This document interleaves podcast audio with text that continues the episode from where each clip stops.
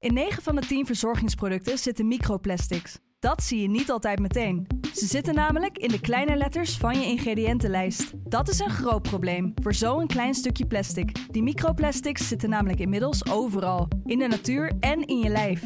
Gelukkig zijn er ook merken die gewoon microplasticvrij zijn. Want dat het anders kan, dat weten we bij Weleda, Lekker Company, Marcel's Green Soap, Naïef, Smaal en Witlof wel. Dus check de kleine letters. Die hebben de grootste impact.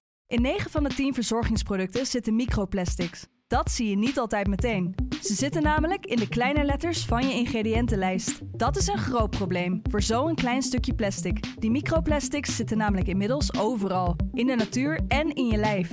Gelukkig zijn er ook merken die gewoon microplasticvrij zijn. Want dat het anders kan, dat weten we bij Weleda, Lekker Company, Marcel's Green Soap, Naïef, Smaal en Witlof wel. Dus check de kleine letters. Die hebben de grootste impact. De stroom.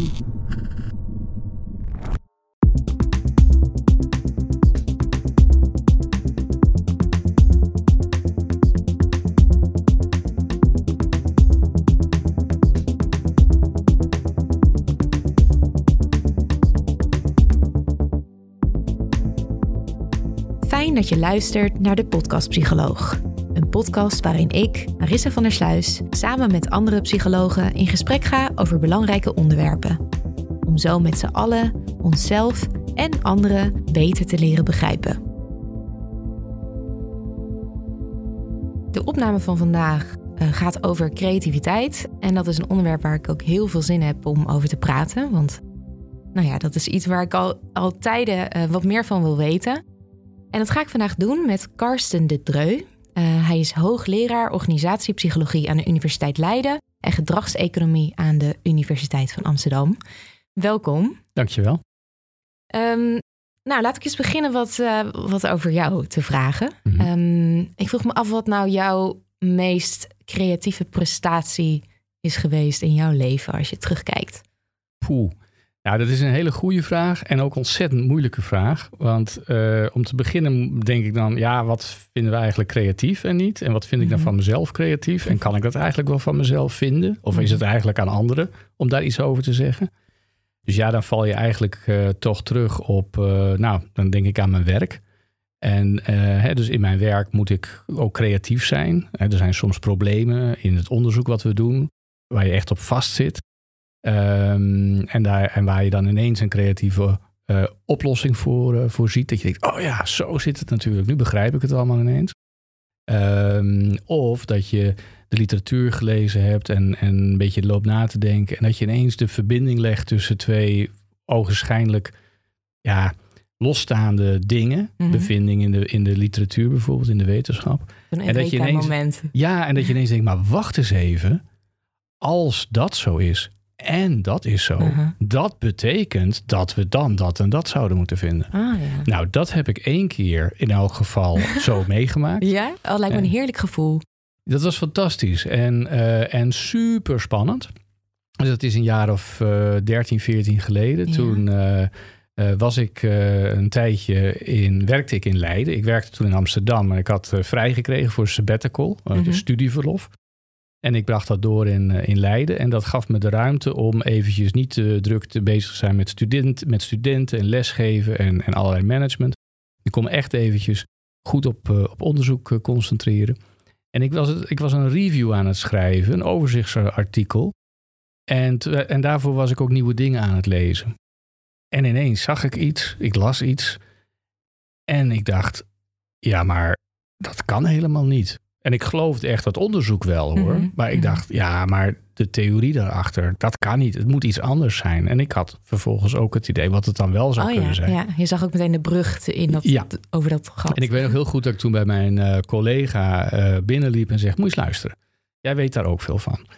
Als je nou dit weet en als je nou dat weet, dan moet het toch zijn dat. En hij keek me aan. Hij zei: Ja, zeker. Ik zeg: Dat moeten we onderzoeken. Oh, hij zegt: Nou, tof. dat ligt zo voor de hand. Maar het is ook wel verrassend. Nou, vervolgens heb ik echt alles aan de kant geschoven en hebben we het hele laboratorium omgegooid om dat te kunnen gaan onderzoeken. En, eh, en een jaar later hadden we de, de tests gedaan en vonden we precies wat we ook eh, verwacht hadden Ja. op basis van dat eh, inzicht. En dat is ook door heel veel mensen, dat is toen later gepubliceerd en dat is toen ook door, door heel veel collega's eh, als echt een soort creatieve doorbraak wel gezien. En Ja. dat is ook iets waar ik wel trots op ben. Ja. Ja. Wat grappig, want het, het klinkt ook wel een beetje alsof het misschien al een tijdje voor je neus lag of zo. Of, en maar dat je het ineens de verbanden legde. Nou, het, waren het waren eigenlijk twee dingen die al heel lang voor mijn neus lagen. Alleen ik en niemand anders Mhm. had ooit de verbinding tussen die twee gelegd. Ah, ja. En dat, nou ja, omdat ik een beetje me zat te vervelen in Leiden, eh, legde ik die verbinding. Dacht Ja. ik, eh, kwam, kwamen die twee toevallig een beetje bij ja, elkaar. een beetje spelenderwijs. Ja. En toen had ik natuurlijk ook, en dat was wel belangrijk, ik had ook de mogelijkheid op dat moment om inderdaad alles aan de kant te vegen. En dat, ja, wat ruwe idee, zeg maar, Ja. die intuïtie, ook echt op te pakken en te zeggen, nou, dan ga ik me ook zo Ja. even concentreren om, om het verder uit te werken. Tot en met zelfs inderdaad dat je het hele lab omgooide. Nou, toen zijn we echt een jaar met, eh, met acht man bezig geweest om, eh, om dat onderzoek op te zetten en uit te voeren. Ja, dus je had ook die mogelijkheid om het idee Ja. om te zetten in daadwerkelijk een, Ja, een om, in een prestatie, in een product zou je kunnen zeggen. Ja. Ja, want jij bent onderzoeker en jij komt dus ook met zo'n soort voorbeeld. Ehm, maar veel mensen, ook de mensen die ik heb gesproken, ook in de voorbereiding voor- deze podcast die ik heb Mhm. gevraagd, wat ver- versta jij nou eigenlijk onder creativiteit? Ja. Die komen dan vaak toch met ja, eh, schilderen, eh, ja, pff, eh, piano spelen, Mhm. Ja. een beetje vreubelen. Dat-. Maar Ja. die komen, zouden misschien niet zoiets snel als een creatieve prestatie bestempelen. Dus zouden we samen even kunnen definiëren Mhm. wat creativiteit dan Ja, dat is, wel, dat is wel heel belangrijk. Want als we het gaan hebben over creativiteit en, en we hebben niet goed afgebakend wat we daaronder verstaan, ja, dan wordt het wel een beetje modderig misschien. Ja, En als we kijken naar hoe we in de psychologie creativiteit definiëren, dan zeggen we, dan maken we om te beginnen een onderscheid tussen een creatieve uitkomst. mhm. Dat kan een idee zijn, een inzicht, maar ook een schilderij of een compositie, maar ook een wetenschappelijk artikel. Ehm, of een gebouw. Eh, maar dat is iets tastbaars. Iets waar anderen naar kunnen kijken, iets waar anderen wat weer mee, wat mee kunnen. Eh, en het creatief proces. Nou, daar gaan we het ongetwijfeld nog over hebben. Maar dat creatief product, die creatieve uitkomst, die definiëren we meestal als er moeten twee aan twee voorwaarden voldaan zijn. Om te beginnen moet het origineel, nieuw zijn. Dat wil zeggen dat het voor de mensen die het zien, die ermee aan het werk zouden moeten, eh, die daarnaar luisteren, of iets zijn waarvan ze zeggen: hé, hey, dat had ik nog nooit eerder gezien of gehoord, Mhm. eh, of gevoeld, of weet ik veel. En tegelijkertijd moet het ook eh, ja, ergens op slaan. Het moet, als je zegt van kijk, dit is een nieuw schilderij. Ja, dat, is, dat het nieuw is, is zeker waar. Maar dit is niet een onderdeel van wat ik versta onder schilderij. Dat slaat net. Het is eerder een beeld, of ik weet eigenlijk niet wat het is. Oh ja. Ja, Ja. Maar dan is het te ver verwijderd eigenlijk van waar we nog wat mee kunnen. Dus dat is het, eigenlijk. Het, is, moet nieuw het zijn zijn. gewoon dingen op een hoop gegooid. Ja, bij wijze van en dat spreken. was er nog niet, maar dat betekent Ja. nog niet dat je iets, eh, iets maakt wat ook al nodig was Ja. of zo. Wat Ja. een behoefte vervult. Nou ja, of het, of het vervult een behoefte. Maar je moet er iets mee kunnen. Het, het moet ergens opslaan. Ja, Dus het moet nieuw zijn Ja, en het moet ergens opslaan. Nou, dat is een hele lastige combinatie ja. om die, aan die twee dingen te voldoen. Maar ik zeg wel eens, als het ergens op slaat, maar het is niet nieuw, Mhm. dan is het bekend. Dan is het ja, misschien zelfs wel saai. Ja. En als het heel nieuw is, maar je kan er niks mee, dan vinden we het raar. En eigenlijk is het tussen die twee dingen in, raar en saai, dan hebben we het over, dat is creatief. Nou, dat kun je ook gaan meten, daar kun je specifieke definities van maken, allerlei voorbeelden van geven, maar dat is ongeveer elke keer waar we proberen aan te denken als we het hebben over, is dit nou een creatief product? Dan proberen we die twee vragen te beantwoorden. Is het nieuw? En is het, ja, zinnig? Slaat het ergens op? En hoe zit dat dan met bijvoorbeeld piano spelen? Is, zou je dat dan zien als... Nou kijk, Ja, piano spelen is een activiteit. Ja, oh ja. Hè, dat is iets doen. Ja. En net als schrijven of Mhm. hardlopen, of dat is gewoon iets doen. Nou kan het zijn dat je piano speelt en dat je op een hele mooie, professionele, eh, elegante manier een stuk van Mozart speelt. Nou, dan vinden we dat mooi. Ja. Plezierig om naar te luisteren, misschien heel knap. En diep onder de indruk. Maar we vinden dat niet creatief. Maar veel Hè? mensen denken wel dat het creatief is. Ja. Omdat het een soort kunstvorm Ja. is. Maar eigenlijk speel je gewoon een... Nou, je speelt iets na. Je hebt, een, een, ja. je hebt een, een, een bepaalde vaardigheid, heel goed geleerd. En je kunt die ook heel mooi toepassen. Dus het is niks om, om, daar doe ik niks aan af. Maar het valt niet onder de definitie van creatief. Nee, grappig. En het wordt creatief op het moment dat bijvoorbeeld deze muzikant, deze Mhm. pianist, een, de compositie van Mozart speelt en ineens daar iets van een blues riff inbouwt. Of het jazzy gaat maken. Ja. En dan ineens vinden we denken van, hé, maar zo heb ik nog nooit naar Mozart geluisterd. Maar dit is ook Mozart niet meer. Dit is iets heel anders. Ja. Dit is helemaal nieuw. Dus je gaat echt voor gebaande paden af. Ja, je gaat van de gebaande paden af. Mhm. Of je brengt twee gebaande paden bij elkaar. Waardoor Ja. het toch Ja. ergens weer nieuw wordt. nieuw- nou, dat is, en dat is eigenlijk pad. wat ik in mijn openingsvoorbeeld aangaf. Hè. Er waren twee gebaande paden in de, in de wetenschappelijke literatuur. Allebei prima, allebei heel mooi.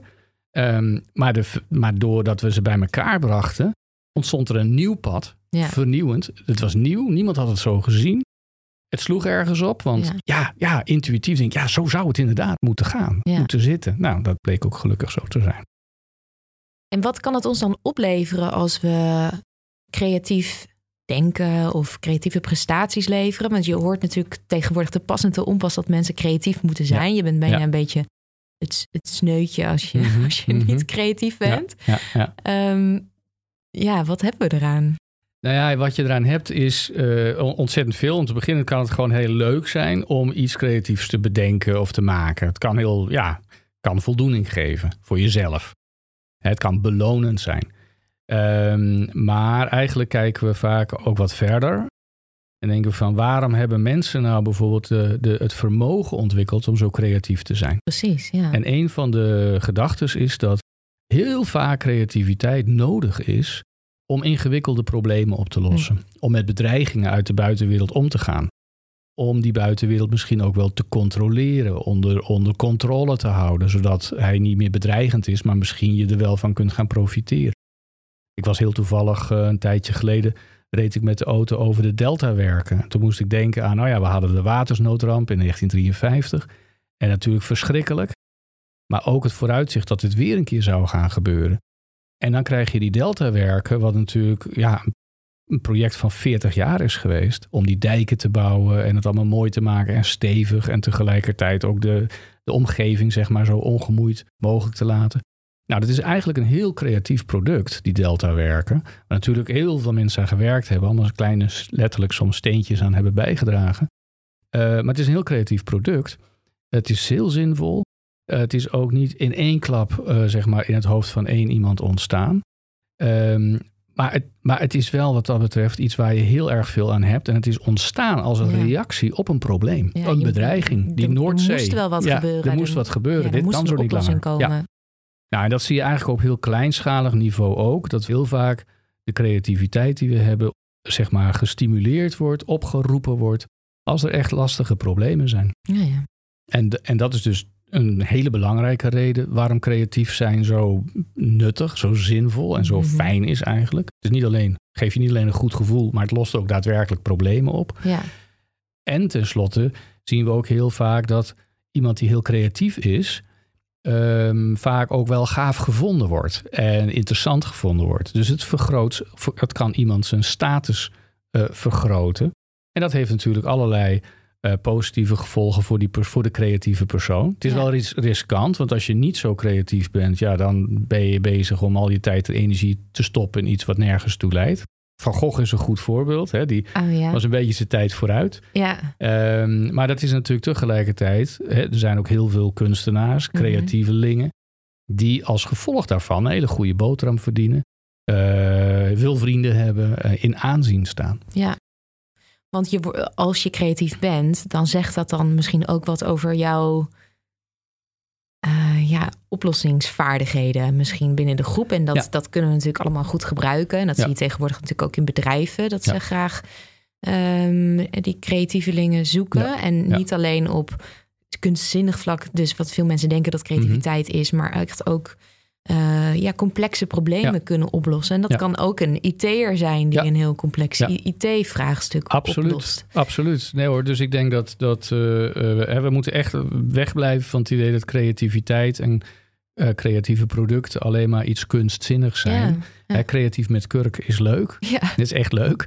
Maar het- creativiteit gaat wat verder. En nou, als je een beetje praktisch erover nadenkt, dan denk je: creatief met kurk is een gevolg, dat we dat kunnen, is een gevolg van iets wat we eigenlijk door de evolutie heen geleerd hebben als, Mhm. als mensen. Ja. Om op een creatieve, slimme manier eigenlijk te reageren op mogelijkheden, maar vaak ook bedreigingen uit de omgeving. En daar slimme oplossingen voor te bedenken. Door dingen bij elkaar te, ja, te combineren, te integreren, van elkaar te leren, naar elkaar te luisteren, op elkaar Mhm. voor te bouwen. En dan komen we vaak met hele slimme, creatieve oplossingen. Ja. Dat heeft ook vaak met timing te maken, want er moet dus wel behoefte zijn Mhm. op dat moment Ja. aan een, een bepaald creatief idee of een Ja. bepaald creatief product. Ja. Dus je, haal- je haalde net al even Van Gogh aan. Die was eigenlijk ontzettend creatief, maar het was niet de timing Nee. om gewaardeerd Nee, toen worden. was die, werd, werd het raar gevonden. Ja. Dus het sloeg nergens op wat hij maakte. Dus was het niet creatief, volgens de definitie die Ja. ik eerder gaf. Dat is toch grappig, want als eh, nu denk ik van, ja, hoezo nergens op slaan? Dat Ja. is toch gewoon Kunnen we ons nu eigenlijk niet meer voorstellen. Nee. nee. Nee, Nee, en dat is ook vaak met creativiteit zo. Dat op het moment dat, je, dat het er is, dan kan je eigenlijk nauwelijks meer voorstellen dat het er tien Niet- minuten geleden of vijf jaar geleden niet was. Ja, oh en ja. dat het zo moeilijk was om. Was dat nou zo moeilijk om te bedenken? Ja. En dat zijn eigenlijk vaak de meest creatieve producten of inzichten. Dat op het moment dat ze er zijn, dat mensen, dat de omgeving ook direct zegt: Natuurlijk, dankjewel. Hè? Ja. Dat pad, ineens vallen echt de palletjes op zijn plek. Ja. En dat zijn de echt mooie. eh, maar die heb je, hebben we niet zo vaak. Vaak is het toch dat je ergens het gevoel hebt van: nee, hier zit iets. Volgens mij zit ik nu in een bepaalde richting. En nou, dan moet je wat doorkraken, maar misschien met collega's over praten. Moet je een beetje puzzelen. Moet je ook vaak gewoon heel hard aan het werk. Hè? Wat ik eerder zei, wij waren volgens mij een team van acht man, dag en nacht bijna. Nou ja, echt bezig om Ja. dat onderzoek te gaan doen. Dus ja, dat, dat, dat kost vaak best wel veel tijd en energie. Ja. Ja, en stel je voor dat je zo'n eh, creatief proces eh, ingaat. Wat heb je dan eigenlijk nodig om Mhm. te komen tot een creatief product? Nou, de, ik denk dat het wel goed is om dan eens even, even, even kort stil te staan bij wat is dan het creatief proces? Mhm. Hè, dat creatief product, ja, dat is er dan ineens. En hoe komt dat nou tot stand? En eh, eigenlijk zien we in, in al het onderzoek wat er de afgelopen, nou ja, zo'n 30, 40 jaar gedaan is, dat er eigenlijk twee, je zou kunnen zeggen, twee manieren zijn om tot dezelfde uitkomst te komen. Aan de ene kant zien we dat soms mensen heel creatief eh, product leveren, omdat ze een tijdje ja, je zou kunnen zeggen, heel los, heel vrij hebben kunnen denken. Een beetje dat out of the box, eh, losjes, eh, anything goes, niet te serieus. Nou, allemaal een beetje dat. En dan zie je eigenlijk dat eh, ineens, doordat, doordat je dat doet, ineens, boem, dat is dat schitterende idee of inzicht. Oh ja, dus het sluimerde al eigenlijk een tijdje. En Ja, dat zou kunnen. Maar je hebt in elk geval dat. dat eh, en, en voor een deel kan dit zeg maar ook niet eens zo heel erg bewust eh, plaatsvinden. Maar het is in elk geval, ja, it's all over the place zou je kunnen zeggen. Een beetje chaos Ja. eh, op een prettige manier. Ja, heel me. associatief. Associatief, dat Ja. is het inderdaad. Hm. En wat we ook zien is dat sommige mensen, of dezelfde mensen, maar dan onder andere omstandigheden, eigenlijk tot een min of meer vergelijkbaar creatief product of inzicht kunnen komen. Door gewoon hard te werken, door heel systematisch eigenlijk ja, het, het kennisdomein, informatie waar ze over beschikken, afgrazen. Stapje voor stapje, elke keer weer een stapje verder. En dat noemen we ja, wat meer volhardende, wat meer persistente eh, route naar creativiteit. Nou, idealiter zijn mensen eigenlijk, eh, wisselen ze die twee dingen wat af. Dus je bent wat los aan het denken en op een gegeven moment heb je zoiets van, oh wacht eens even, nu heb ik volgens mij iets te pakken. Nou, en dan ga je eigenlijk naar die wat meer Ja. convergerende, eh, ja, volhardende route. Echt dat idee, die intuïtie die je hebt, ook echt eens goed doorakkeren. Ja, en, nou, dus die dan- moet je dan ook op dat moment wel pakken. ja, die moet je En- pakken en die moet je vasthouden. Dan moet je op door. En dan kan het best zijn dat je merkt dat je op een doodlopend spoor zit. Of het kan ook zijn dat je denkt, nou, dit kost toch meer energie dan ik dacht. Of meer tijd Ja. dan ik nu heb. Maar ik laat het niet los. Ik ga dan morgen verder. eh, want volgens mij eh, moet ik nog eventjes... nou, En dan kan het zijn dat mensen toch op een gegeven moment denken van ja, nee, ik, dit is het nog, toch nog niet. Mhm. En dat je moet eigenlijk weer terug switchen naar die wat meer losse, vrije, eh, associatieve manier van denken. En eigenlijk wat je in die beide processen ziet, is dat wat er gebeurt, is dat je allerlei verschillende losstaande stukjes informatie die jij ergens opgepikt hebt, die je aangereikt krijgt van anderen, die je gelezen hebt, vroeger geleerd hebt, dat je dat op een of andere manier ja, aan het combineren bent. En dat combineren kan gaan tussen stukjes informatie die zeg maar ver uit elkaar liggen, die Mhm. weinig met elkaar te maken lijken te hebben. En die komen bij elkaar doordat je heel losjes eigenlijk een beetje door het, ja, door het weiland heen huppelt. Ja. En dan zie je al die verschillende bloemen en dan denk je ineens, hé, hey, dat is wel een mooi boeket Ja. aan het worden. Een soort van connecting the dots. Ja, maar echt op een hele losse ja. manier. En het alternatief is dat je al die stukjes informatie eigenlijk heel systematisch afloopt, vergelijkt, combineert, loslaat, weer nieuw probeert. Maar dat je eigenlijk dat de stukjes die je bij elkaar brengt, die in, in Mhm. feite ook wat dichter bij elkaar legt. Ja. Dus terug naar dat weiland zou je kunnen zeggen. Je kan een heel mooi boeket krijgen Mhm. door, door dat hele weiland heen te huppelen. En hier is wat te plukken en daar is Ja. wat te plukken. Maar je kan natuurlijk ook heel systematisch Heel doelgericht heel eigenlijk. doelgericht door dat weiland lopen en gewoon bloemen plukken en, op en langzaamaan schikken. En, ja, en dan krijg je net zo'n mooi boeket. Ja. Nou, misschien heb je dan meer meters gelopen. Misschien Mhm. was het wat, klinkt het wat minder spectaculair wat je Mhm. gedaan hebt. Minder verrassend misschien. Maar het eindresultaat kan echt... Is identiek. Ja. En we hebben er ook wel onderzoek naar gedaan. Dat was dan wel leuk. Dan zei, lieten we mensen een creatief product zien. Ja, laten we zeggen, noem het een, een mooi boeket. En ehm, wat op een verrassende manier bloemen bij elkaar brengt. En zeiden we tegen mensen, nou, hoe creatief vind je dit? En ze zeiden mensen, nou, heel erg. En dan gaven we mensen vervolgens ook informatie over hoe dat creatief product tot stand gekomen was. En dan beschreven we dat het tot stand gekomen was door heel volhardend, systematisch te werken. Of door meer flexibel en losjes. Ja. En dan zie je dat mensen, als ze naar datzelfde boeket kijken. En ze hebben het idee dat dat tot stand gekomen is door heel losjes te denken. zeggen ze, oh, dat is creatief, joh. Terwijl als exact hetzelfde boeket. of het exact hetzelfde creatief product. tot stand is gekomen door heel systematisch en grondig te werken. dan zeggen mensen, ja, pff, ja dat kan Dat ik is niet ook. creatief. En dan is het niet creatief. Terwijl dus het product ja. is identiek. Ja, maar dat idee heerst er toch, toch Ja. dat je een beetje Ja. zo fladderend moet zijn, een beetje rommelig en. Associatief denken en niet al te hard moet willen en dat ideeën dan ineens zo in je opkomen, is- terwijl dat is maar één, één route. Ja. Nou, dus ik zeg wel eens, hè, dus mensen die zeggen van eh, ja, dan moet ik toch wat vaker van mijn baas vrij krijgen om door het bos te kunnen wandelen, want dan word ik heel creatief. Kan ik lekker losjes. Maar misschien is dat helemaal niet de manier waarop jij creatief nou ja, ik zeg van ja, dat zo. kan, maar je kan ook gewoon achter je computer blijven zitten met een kop koffie en gewoon werken. Hè? Dan Ja, kan je dat is- Systematisch alles op een rijtje zetten. Precies. Ja. Er is geen enkele reden om te veronderstellen dat je in het bos ineens wel en achter die computer niet dat creatieve idee Nee. krijgt. Maar dat is wel iets wat je kan onderzoeken. Want hoe, wacht even, hoe zit dat eigenlijk? Ben je dan al een beetje voorbestemd om om een bepaalde route Ja. ehm, te nemen als Ja. je. Nou ja, om, om e- even terug, want dat is wel belangrijk. Het is natuurlijk heel. Het, eigenlijk het allermooiste is als mensen en zeg maar dat volhardende een tijd kunnen doen en vervolgens kunnen overstappen naar meer los. Ja, Dus je zou kunnen zeggen: werk hard achter je computer aan het probleem. Zit je een beetje vast of ben je gewoon een beetje, een beetje moe? ja. Nou, ga dan eens lekker lopen of praat eens wat met collega's Ja. en laat het een beetje gaan. En eh, dan frist het in het hoofd ook weer wat op. En dan heb je weer energie om vervolgens met de hernieuwde of betere inzichten weer verder hard te gaan werken. Dus als je dat afwisselt, dat is mooi. Nou ja, en dan naar jouw vraag van, zijn sommige mensen nou voorbestemd voor de ene of voor de andere route? Of is het ene voor de ene makkelijker of moeilijker? Mhm. Ehm, als we naar onderzoek kijken, dan zien we wel, wel wat verschillen tussen persoonlijkheden. Dat, hè, dus de, ja, de persoonlijkheid die iemand heeft, of je meer extravert bent of meer introvert, of je meer eh, het heel belangrijk vindt dat je aardig gevonden wordt en een goede indruk wil maken op andere mensen, of dat dat je eigenlijk niet zo boeit. Dus dat Ja. soort brede, algemene persoonlijkheidsverschillen.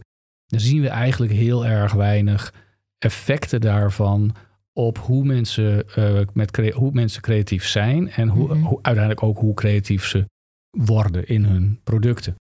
We zien wel effecten. ja. Maar als ik heel eerlijk ben, dan ben ik altijd niet zo onder de indruk van, van de effecten die we dan Nee, observeren. verschillen zijn echt heel klein. Om daar En hetzelfde geldt eigenlijk ook als je naar onderzoek kijkt wat ehm, zich richt op eh, psychopathologie. Dus hè, depressie en of, of eh, manisch-depressief eh, of, of, of alleen maar manisch. Ja. En Is er zijn daar veel onderzoek naar gedaan? ja, er is veel onderzoek naar gedaan. En er is ook heel veel over geschreven. Dus Oh, je ja. ziet heel veel biografieën van creatieve genieën.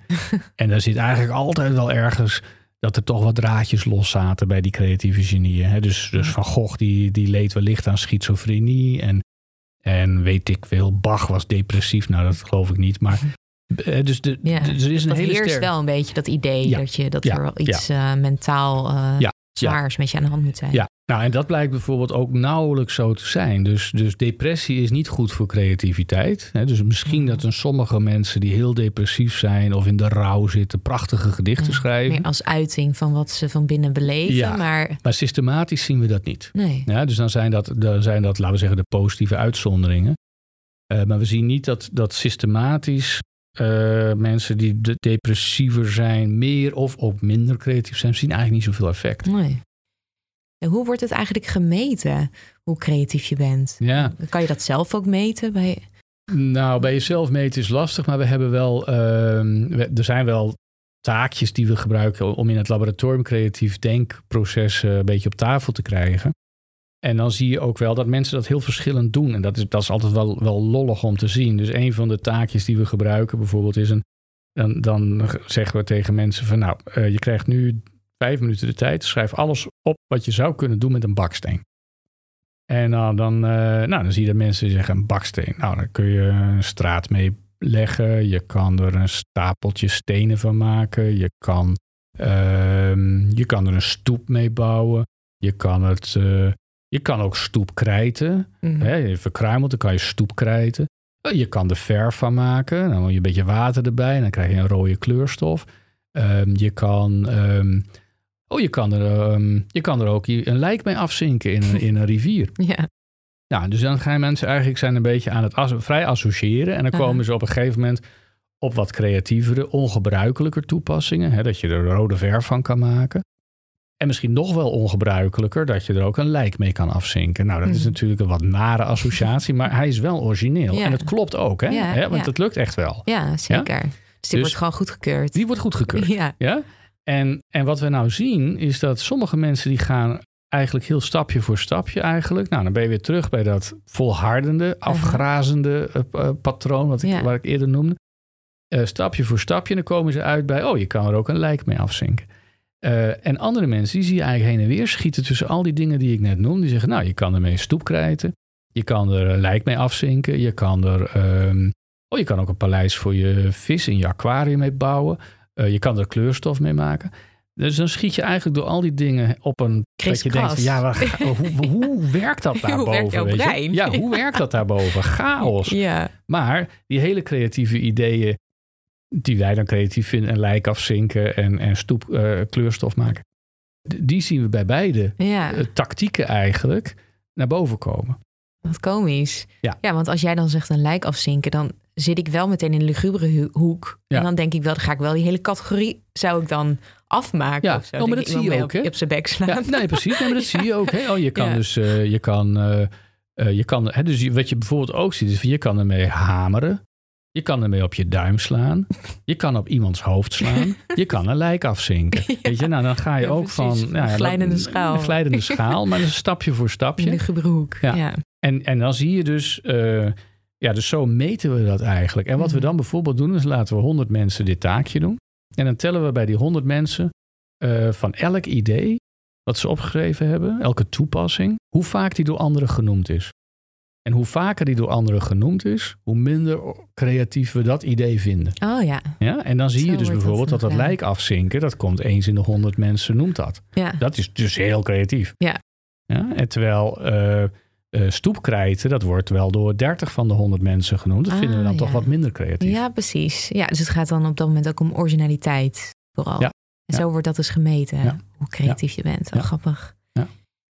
Ja, want. Wat, welke omgevingsfactoren maak je dan bijvoorbeeld Ja. creatiever? Of, Nou ja, om, dus één, één ding denk ik is heel belangrijk. En dat is, heb jij tijd en ruimte oh ja, om, te- je om je ideeën te kunnen ontwikkelen? Ja. Ja? Ja, dus dat mooie idee wat wij kregen, dat was een eh, zachte dood gestorven als Ja. mijn, eh, eh, mijn uh, decaan had gezegd, ja, is leuk en aardig, maar je moet nu gewoon uh, 40 uur per week voor de Ja. klas gaan staan, drie jaar lang. Precies. Dan had ik die tijd niet gehad. Nee. Als je in een rijdende trein zit en je, en je Ja. maakt je zorgen over wat er allemaal Ja. nog gedaan moet worden, Ja. dan heb je geen ruimte om een nieuw idee uit te werken. Nee, precies. Dus, dus je hebt tijd nodig. En onder, hè, men zegt wel eens, onder druk wordt alles vloeibaar. Mhm. Ehm, voor een deel is dat waar. Als, je, als er geen enkele deadline is, geen enkele druk op staat, dan zien we dat er ook niet zoveel gebeurt. nee. Maar Nee. dus een beetje druk is vaak wel goed. Maar te veel druk, eh, echt hoge stress, ehm, dat is niet goed voor de creativiteit. Nee. Oké, dus ruimte en tijd. Ruimte en tijd. Ja. En, en ruimte kan ook een, laten we zeggen, een, een mentale ruimte zijn. Dus psychisch. Mhm. Dus wat we bijvoorbeeld zien, er zijn, zijn mensen die hebben heel veel behoefte aan eh, externe stimuli. Weet je wel, dat is helemaal een beetje chaos en het is ook maar een rommeltje en enzovoort. En hoe, hoe rommeliger en hoe chaotischer, hoe meer eigenlijk die mensen tot leven komen. ja. Nou, voor die mensen, als die zeg maar creatief moeten worden eh, of willen worden, dan kan het goed zijn als, het, als de omgeving lekker chaotisch en rommelig is. Maar we weten ook dat er mensen zijn die houden eigenlijk wel, die, die worden afgeleid door al die rommel. Voor hen is het belangrijk dat, er, dat het allemaal opgeruimd is en dan hebben ze mentale ruimte om zich op een ingewikkeld creatief probleem te Ja, storten. dan kunnen ze zich meer naar binnen richten. Ja. Dan worden ze niet zo afgeleid Ja. door een omgeving. En ik merk bijvoorbeeld zelf dat ik ehm er haast een beetje, ik doe het niet heel systematisch en bewust, maar ik Mhm. speel er wel een beetje mee. Dus Ja. als ik meer in die losse, rommelige, associatieve trant wil, dan mag het lekker rommelig zijn. Ja. Dan vind ik het ook, eh, dan is mijn bureau een zootje, overal stapels papier en toestanden. En eh, dan heb ik ook geen zin om op te ruimen, het leidt alleen maar af. Terwijl als ik dan eenmaal denk van ja, nu heb ik iets, maar nu moet ik ook even gewoon systematisch aan het werk. Dan ga ik ook letterlijk opruimen en dan ziet mijn bureau er spik en span uit met de potloodjes netjes opgelijnd en enzovoort. Allemaal keurig. En denk ik van oké, nu is het klaar, nu is het leeg, nu is het systematisch en nu. En dan kan ik ook echt ja, dat, dat volhardende systematische gaan doen. Dan zorg ik ook dat ik uitgerust ben s ochtends en nou, enzovoort. Dus je kan daar op het moment dat je een beetje naar jezelf kijkt, wat, met wat zelfkennis, kun je daarin ook wel wat invloed uitoefenen door je omgeving zo te maken. Dat het eigenlijk bevorderlijk is en dat het goed aansluit bij wat jij nodig hebt. Ja, bij je creatieve proces. Ja. En ook misschien bij eh, het gedeelte van het creatieve proces waar je op dat moment Ja. bent. Want Ja. eh, toen Leonie en ik eh, de podcast aan het bedenken waren, Mhm. toen hebben we vooral heel veel koffie gedronken in de lobby van een hotel. En ja, daar een beetje losjes over gehad en, en ideeën uitgewisseld. En dat hebben we echt best een aantal vrijdagmiddagen Ja. gedaan. Maar Ja. Heel ontspannen. Ja. Niet met een soort deadline van dat moet af maar eh, ja, heel veel ideeën passeerden de revue. We hebben heel Ja. veel geassocieerd, heel veel andere podcasts al, ja, een beetje half geluisterd, Ja, bekeken. precies. Ja. Voorbeelden pas- bekijken. Ja, en dat was ook in die omgeving heel goed. En op een gegeven moment moesten we echt aan de slag gaan. En toen eh, zijn we meer eh, binnen of in, meer op een werkplek gaan zitten en het gaan uitwerken. Uitwerken, Waar we ja. dan weer tegen een probleem aanliepen. En dan Ja, moesten moest je weer terug- koffie drinken. Precies, Ja, moesten we weer ja. koffie drinken. En de laatste tijd gaan we ook, eh, als we echt bezig zijn met het ontwikkelen van een nieuw, eh, nieuw idee, dan gaan we eh, ook echt naar een brainstormruimte waar Mhm. post-its aan de muur hangen. Mhm. En dan merken we Ja. ook, wow, alleen al naar deze ruimte gaan, Ja. in een andere omgeving, en Ja. dat, Ja. ja. dat stimuleert al Absoluut. onze Ja. Nee hoor, dat is. Ik, ik- dus- en ik denk dat het heel goed is als je, nou zeker als je in je, in je werk vaak creatieve eh, problemen of, of creatieve, eh, de creativiteit in je werk belangrijk is. Bij het Mhm. ontwikkelen van nieuwe producten of enzovoort. Dan kan het heel goed zijn om op die manier ook je te herinneren van wanneer werkt het goed en Ja. eh, wanneer werkt het niet. Wat zijn mijn ja, best case scenario's en, en die proberen te reproduceren. Het is geen Mhm. garantie dat het je weer lukt. Nee. Maar zo werkt het wel een beetje. Ja. Maar het is wel iets interessants wat jij net zei. Beetje, een beetje tussen neus en lippen door. En dat je ook naar podcasts van anderen ging luisteren. En dat deed me denken aan het feit dat om creatief te kunnen zijn, Mhm. moet je eigenlijk, omdat je verschillende informatiedingen, eh, kennis bij elkaar brengt, moet Ja. je eigenlijk heel erg veel leren. Je moet eigenlijk heel erg veel kennis al hebben. Ja, dat klopt. Je kunt, ja, een, een net geboren baby, die is niet creatief. Nee. Die kan heel creatief huilen misschien, maar daar houdt het ook al op. En, en in de loop van het leven eh, leert een individu van alles en nog wat. Mhm. En alles wat dat individu leert, zijn eigenlijk bouwstenen voor mogelijke creatieve producten die dat individu kan maken. Ja. Dus die pianist, die kan prachtig Mozart spelen, maar als die niet ook geleerd heeft om de jazz te spelen of blues eh, of eventueel, dan zal hij nooit eh, een creatieve Nee. eh, draai kunnen geven aan, aan, aan dat stuk van Mozart. Ja. Want hij kent die andere informatie, die heeft hij niet. En op het moment dat jullie een podcast willen maken, ja, dan begin je misschien zelf ook wel van, oh, dit was een gave podcast. Zo willen wij het ook. Dat Ja. je eigenlijk bezig bent in het begin met het kopiëren van werk van anderen. Ja, en, dat zie je, en dat zie je heel veel bij Ja. beroemde kunstenaars. Die beginnen vaak aan, in het begin van hun loopbaan. Doen ze eigenlijk niet zoveel meer dan het overschilderen, het Mhm. kopiëren van het werk van anderen. Tot imperfectie en ook tot Oh, vervelens toe. ja. Echt, en het is een manier om, de, om, om eigenlijk de, de vaardigheden van de ander, eh, van je voorbeeld, heel goed in de vingers te krijgen. En als je nou heel veel verschillende voorbeelden heel goed in de vingers krijgt, dan heb jij al de informatie klaarstaan om vervolgens die hele creatieve slag te gaan maken. Ja. Ik vond dat ook het moeilijkste stuk, want we hadden allebei nog nooit een podcast gemaakt. We moesten in eerste instantie verdiepen in het, in het maken van een podcast. Dat Ja. was toen ook nog helemaal niet zo, Ja. eh, ja, niet zo mainstream als dat het nu is. Mhm. Dus daar moesten we ons in verdiepen. Maar ik had ook de psychologische kennis die ik dan in een podcast wilde stoppen. Nou, dat Ja. was er ook nog niet. Dus Ja. een podcast over psychologie was er sowieso niet. Nee. En het luisteren van podcast was goed. Maar ik voelde ook, en dat wilde ik ook nog wel zeggen, een soort van: oh nee, ik wil niet dat, er te, dat ik te veel luister. Want dan kan er wat ik Ja. in mijn hoofd heb, dat wordt bedoezeld of zo. Ja. Ik kan het Ja. moeilijk uitleggen, omdat Ja. iedereen aan wie ik het vertelde zei van: weet je wat je moet luisteren? Je moet dat en dat luisteren. En of ik dacht, oh, hè? En daar werd ik bijna onzeker van. Of dat Ja. ik dacht, ja, maar ik heb iets in mijn hoofd en ik, ik moet alleen nog de stappen vinden om het eruit te laten komen. Ehm, Maar ik wilde ook dat het integer Ja. bleef en Ja. mijn ideeën niet iets gekopieerd. Ja. Dus uh, dat was wel het- moeilijk. Dat is, dat, is, dat is wel interessant, want voor deze creativiteit wil je misschien inderdaad niet te veel Nee. eh, eh, je beperken door wat andere. Dus niet te veel weten. Je moet genoeg weten om het te kunnen. Ja. om, hè, je moet genoeg eh, ja, tools hebben, zeg maar. Maar je moet niet te veel voorbeelden hebben, want dan kan je gedemotiveerd raken. Dan denk je, ja, dat hebben anderen al gedaan, of die konden Klopt. het veel beter Ja. en dat heeft toch geen zin. Terwijl voor andersoortige problemen waar je creativiteit voor nodig hebt, kan het juist heel zinvol zijn om te weten dat iemand anders het al ontdekt heeft. Dan hoef jij het wiel niet opnieuw uit te vinden. Precies. En waar houdt de kennis op? Ja. En waar kan ik bezig gaan met Ja. het creëren van, van iets nieuws? Nou ja, en dat is ook waarom je, denk ik, aan de ene kant moet je leren, leren, leren, kopiëren, veel weten. En op het moment dat je tegen een bepaald probleem aanloopt, of dat nou een wetenschappelijk probleem is, of, eh, of een, een, dat je een creatief product wil maken, een podcast. Of, want de vraag is of, het, of, het, of jullie nou een podcast wilden maken, of dat jullie eigenlijk iets anders wilden doen en dat de podcast een, een Middel. manier was Ja. om dat voor elkaar te krijgen. Zeker. Ja. Wat, wat was dat? Weet je dat nog? Wat, wat was het oorspronkelijke eigenlijk waar, waar Ja. jullie over begonnen? ja, eigenlijk had ik onvrede over Mhm. dat ik in mijn therapiekamer en in de collegezalen dingen leerde aan andere mensen waarvan ik dacht, dat zou toch eigenlijk iedereen moeten weten. En ik wilde dat zo graag op een toegankelijke manier naar buiten brengen. En toen is het middel podcast ontstaan. Juist. Toen moesten we daar nog Ja. allemaal kennis over opdoen. En eh, ja, psychologie eh, ja, op een toegankelijke manier brengen. Maar die dingen moesten we allemaal natuurlijk met elkaar combineren. maar dat was het probleem. Ja. Het probleem was, er, er is zoveel prachtige kennis over psychologie. Ja. En zo weinig mensen hebben daar toegang toe. Mhm. En hoe kunnen we dat oplossen? Nou, en de creatieve oplossing is een podcast. Ja. En, nou, en dan heb je vervolgens, wat is dat? Hoe zit dat dan in elkaar? Hoe doen we dat dan? Nou, dan krijg je allerlei meer lokale problemen waar ook meer of minder creatieve oplossingen voor zijn.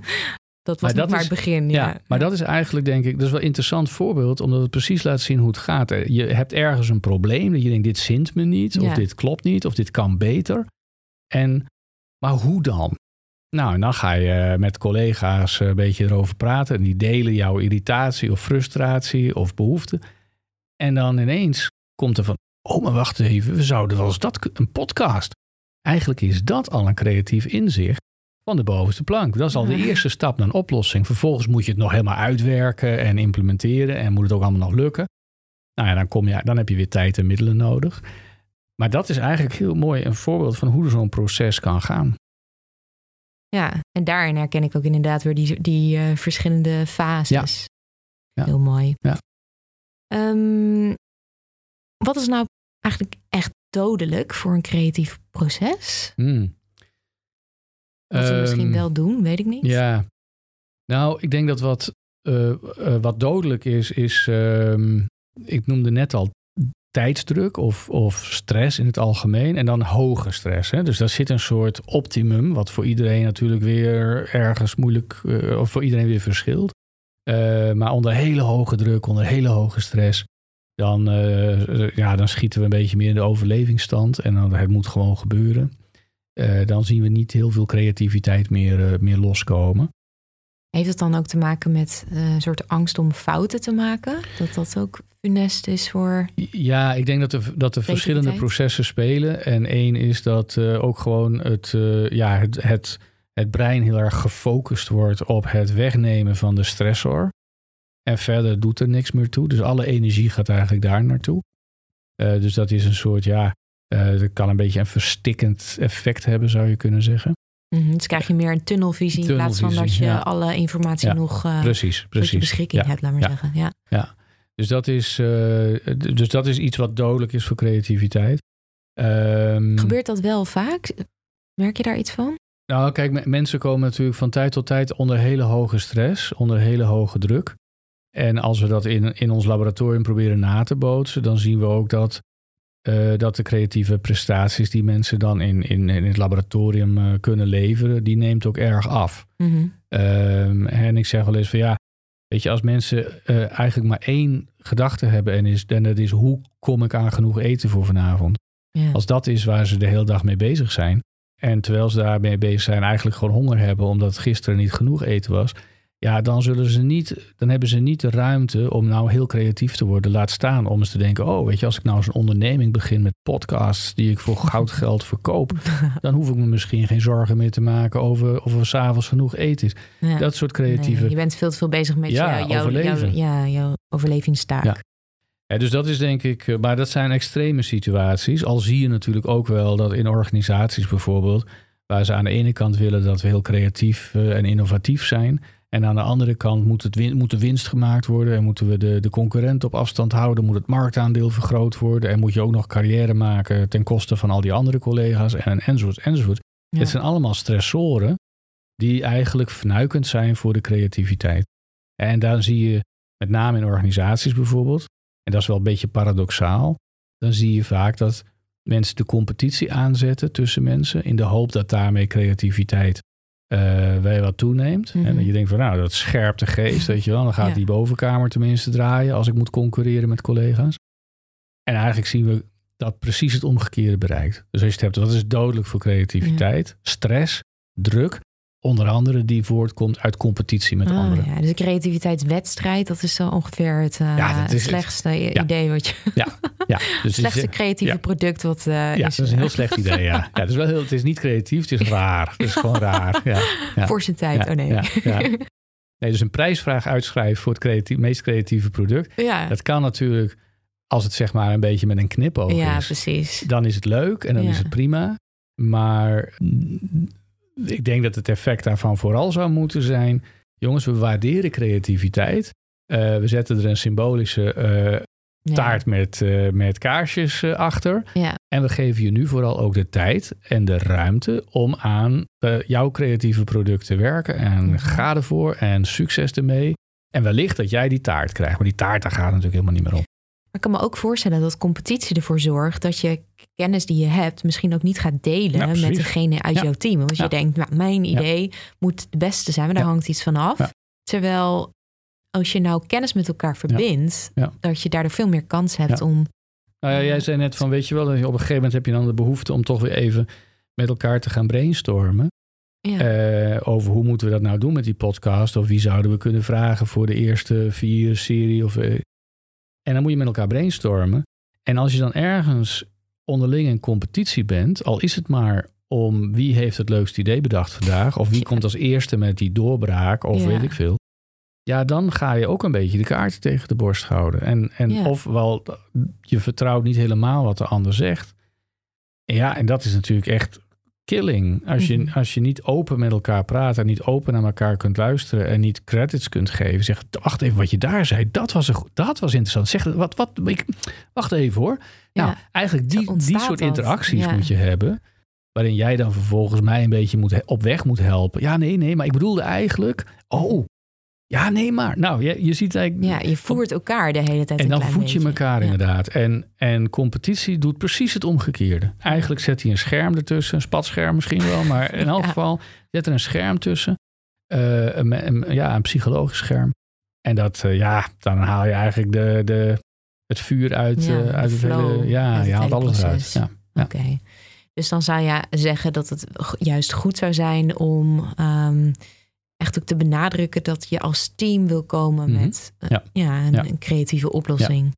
Ja, dus als je in organisaties werkt of eventueel in, eh, in de klas met leerlingen op, op, op een school en je wilt op een of andere manier de creativiteit daar bevorderen, dan heb je er meer aan om eh, ofwel eh, tegen elk individu te zeggen, nou doe je, doe je best, weet je wel, Mhm. ga ervoor en hier zijn de spullen die je nodig hebt.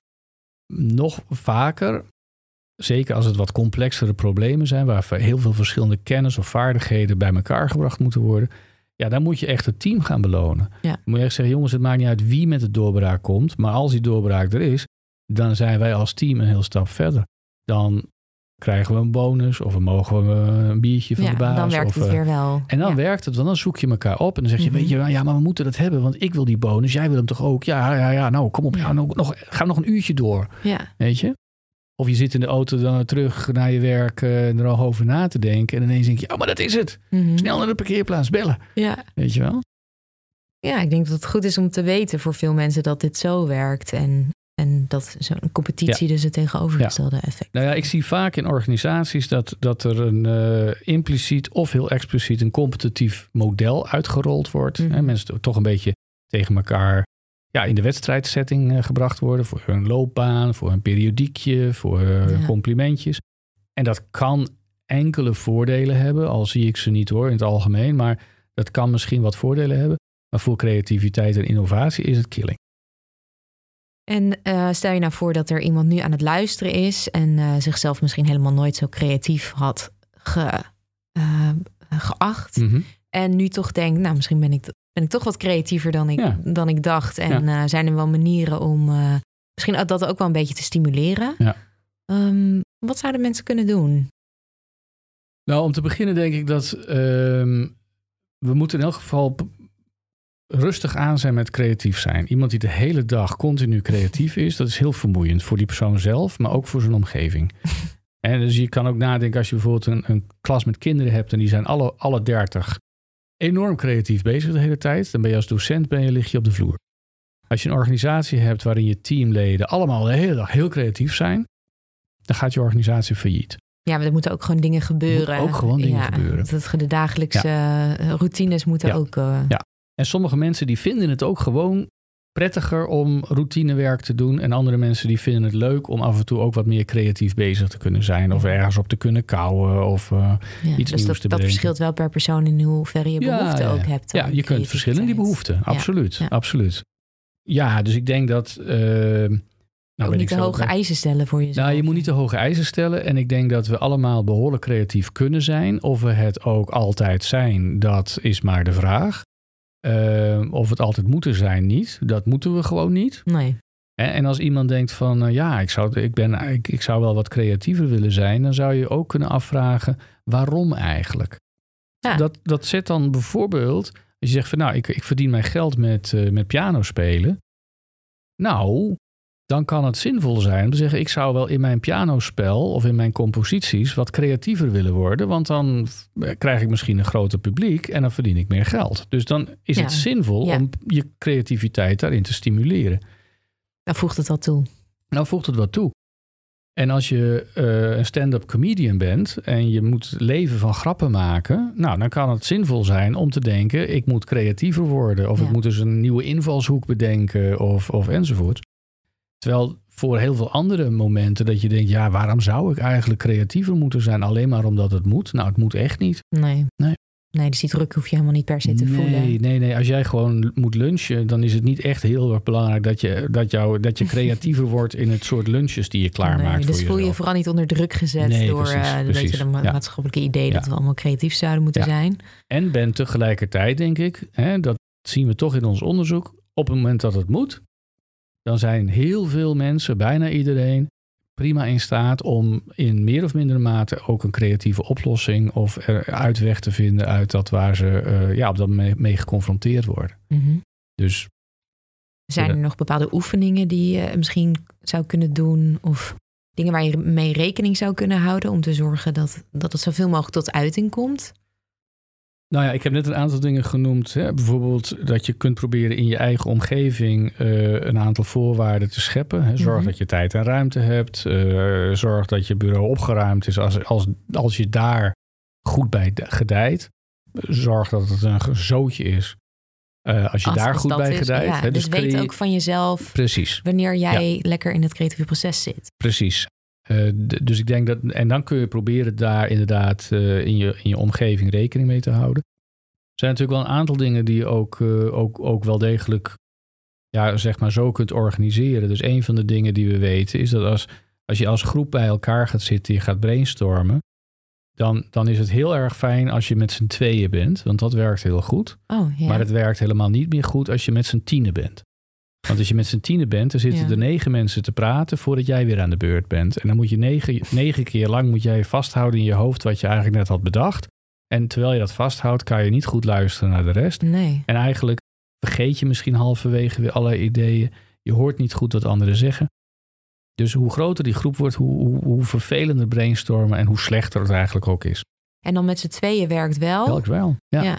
En dat werkt omdat, eh, nou, we kunnen sneller uitwisselen. Jij zegt iets, ik krijg een idee. Jij ziet eigenlijk aan mij dat er iets gebeurt. Mhm. Misschien dat dat wel aanleiding is voor jou om even op te houden met praten. Weet je wel, dan kan ik wat zeggen en dan kan jij weer door. En nou, op die manier kun je een, eh, kun je een heel eind eh, komen. Daarom is met z'n tweeën gaat heel goed. En als je met meer mensen bent, dan is het vaak wel verstandig om twee dingen te doen. Eén, zorg ervoor dat, je, dat mensen eigenlijk continu hun ideeën kwijt kunnen. Dus als je bijvoorbeeld met een, eh, met een ele- elektronisch bord kunt werken, aangesloten op een laptop. Iedereen zeg maar zijn ideeën zelf kan optikken. En dat je daar op het, op, het, op het scherm ziet eigenlijk ook de ideeën van jezelf, maar ook die van anderen allemaal in een soort rolling vorm langskomen. Dan raak je geïnspireerd door wat anderen zeggen, Mhm. zonder dat je dat eigenlijk ja, moet- geblokkeerd ja. wordt doordat je moet luisteren de hele Ja, tijd. precies. Dat zijn wel oplossingen. Maar wat ook heel erg belangrijk is, is dat je ervoor zorgt dat die groep een beetje divers is. Dat het niet allemaal dezelfde soorten mensen zijn. En als het Het gaat allemaal, toch om die kennis en informatie Precies. die er al zit en die je met elkaar wil combineren. Precies, als jij precies weet wat ik weet. Ja. En we hebben exact dezelfde achtergrond, exact dezelfde opleiding. Eh, We gaan naar precies dezelfde sportclub. We gaan naar dezelfde kerk. We, gaan, eh, we lezen dezelfde krant en, enzovoort. Ja, dan heb jij mij niet zoveel te vertellen en ik jou ook niet. Dan kunnen we elkaar niet echt inspireren. Nee. Terwijl als jij uit een hele andere hoek komt, andere opleiding, eh, je hebt een heel ander sociaal netwerk, je leest andere boeken. Ja, dan eh, voegt het echt wat toe aan jouw kennis. dan zeg jij dingen die voor mij denk ik van, hè? Maar hé, wacht eens even. En dan kun je samen meer dan elk apart. En zo ontwikkelt zo'n idee. Ja. En terwijl je dit zegt en ook wat je, wat je eerder zei over die twee verschillende routes eigenlijk Mhm. naar, eh, naar een creatief product, moet ik ook denken aan de eh, Walt Disney methode. Ken je die? Nee? Ehm, nou, dat is een methode die is ontwikkeld door eh, Walt Disney. ja. En ehm, die, ehm, nou ja, die heeft natuurlijk een heleboel creatieve films voortgebracht. En eh, die had een methode ontwikkeld voor zijn werknemers om tot dat soort creatieve eh, Mhm. films te komen, naar Mhm. creatieve ideeën te komen. En hij had daarvoor soort drie kamers ontwikkeld waar ze al zijn werknemers doorheen moesten gaan. Echt, echte kamers. Echte kamers, ja. oké, ja. ja, ja. Dus de eerste was de kamer voor de, de dreamers, dus de dromers. Ja. Dat heette de Dream Room. ja. En in de, Dream Room, daar nou ja, mocht je eigenlijk alleen maar positief... ehm, ja, lekker dwarrelend Ja, nadenken ja. Over, eh, over, het, over... Nou ja, dat was niet echt een probleem, maar het Mhm. probleem was dan... we willen een nieuwe film maken. Eh, en er werden post-its geplakt en eh, iedereen mocht post-its op de muren plakken. En iedereen liep een beetje rond bij elkaar. En aan het einde werd er dan eh, gekeken naar alle ideeën en mocht je alleen maar positieve feedback geven. Ja. Dus er was nog geen, eh, Ja. er mocht geen gemopper Ja. eh, zijn Mhm. of kritisch. En dan gingen ze met z'n allen naar de reality room. En de reality room, daarin werd gekeken hoe zo'n idee daadwerkelijk realiteit kon worden. Dus daar werd er meer nagedacht over de vraag: oké, hoe kunnen we dit idee nou omvormen tot iets wat ook daadwerkelijk een, een product kan worden? En hoe gaan we dat doen? Dus daar was die vraag eigenlijk Mhm, het middelpunt. mhm. Eh, en daarna gingen ze met z'n allen naar de sweatbox. En daar werd iedereen heel erg kritisch. Mhm. En eh, werden alle ideeën tegen het licht gehouden. Werden de hele kritische vragen gesteld. En werden de ideeën afgeschoten. En zo kwamen ze uiteindelijk tot dat Ja, creatieve product, ja, namelijk die ja, films. ja. Ja. En eh, ik vind Nou, het zelf wel een heel leuke metafoor. Het is heel leuk. En je ziet ook heel veel van, nou ja, wat, wat Disney dan, dan deed. Dat is echt interessant. Ik wist het niet. Eh, maar eigenlijk eh, zie je heel veel van de elementen die we al besproken hebben, die zie je daar weer terugkomen. Alleen dan, dan op groepsniveau. Dus ik ben benieuwd of je dat ook weet. Want eh, voor die verschillende kamers Mhm. kan ik me voorstellen dat er ook verschillende mensen eigenlijk in mogen. Hè? Dus, dus, dus de dreamers. Ehm, Oh ja, Dat is wel ja. leuk, maar dan moet je naar de reality room. Eh, waar het ook echt gaat van ja, kunnen we hier wat mee? En dat Mhm. heeft vaak denk ik misschien ook wel Ander eh, type ander mensen type mensen nodig. ja. Gewoon mensen met andere skills. Ja. Kunnen we dit bouwen? Kunnen we dit maken? Kunnen we Ja. dit tekenen? Ja. Hè, de dreamer die kan eh, prachtige visioenen krijgen en een heel spannend verhaal. Ja, Ehm, maar of het ook echt getekend kan worden, of dat het ook echt uitgevoerd kan ja daar worden. moeten me- al- mensen met een andere blik naar kijken. ja, en ook andere, kennis ervaring. en ervaring. Ja. Ja. Ja. Dat Ja. weet ik ook niet Nee. zeker hoor, of dat Nee. allemaal dezelfde mensen waren. Ja. Maar ik merk wel eh, dat ik dat soms met Leonie ook al die... ehm, ja, dat, dat toepast. Dat we soms tegen elkaar zeggen... nog even in de dream room. Dat, dat Ja. we niet elkaars Ja, ja, ideeën al afschieten. En eh, dat we dan later wel in de reality room gaan. Dus wij gebruiken dat ook in onze taal. Ja, de dat is wel- ook een precies. beetje zo is ontstaan. Nou, en dat is wel weer een voorbeeld van hoe je eigenlijk zeg maar ingrijpt op je eigen omgeving. Mhm. Om je eigen creativiteit, creatief proces te stimuleren en te kanaliseren. Door te zeggen, nou nu nog even niet in de kritiek. Mhm. Even wachten, eerst vrijheid. Ik ben alleen maar aan het brainstormen. Eh, om dan vol te zeggen, en nu mogen we even op elkaar hakken. Precies, dat, ja. eh, ja. En dat is ook fijn, want dan weet je ook, oké, dit, is, dit is dat moment waarop dat kan. En dan Ja. voel je je ook niet daar eh, bekritiseerd. Want dat Precies. is gewoon op dat moment de kamer of de fase waarin je Ja. zit. Ja. Ja, we zijn zo'n beetje aan het einde gekomen van eh, deze podcast. Oké. Ik hoop dat er mensen zijn die eh, nu denken van... nou, voor mij hoeft het allemaal niet zo Ja. creati- creatief zijn. Dat Ja. zou ik heel... Of denken van, oh wauw, ik ben toch veel creatiever dan ik eigenlijk Ja. dacht. Ja. Ja, Ja. en dat misschien wat meer eh, werkelijkheid voor zichzelf. Wat Ja. meer mogelijk gaan maken Ja. voor zichzelf. Ja. en dat voor zichzelf gaan creëren. De ruimte om Ja. daar wat mee te doen. Ja, ik vond het leuk. En eh, ik hoop dat eh, inderdaad de luisteraars eh, er wat van opgestoken hebben. En vooral heel rustig aan, verder lekker creatief blijven. Dankjewel. Graag gedaan. Wil jij na het luisteren van deze aflevering nog meer leren over psychologie? Word dan lid van onze club op depudcastpsycholoogclub.nl en ontvang elke maand bonusmateriaal bij de podcast en een door mij persoonlijk ingesproken ontspanningsoefening.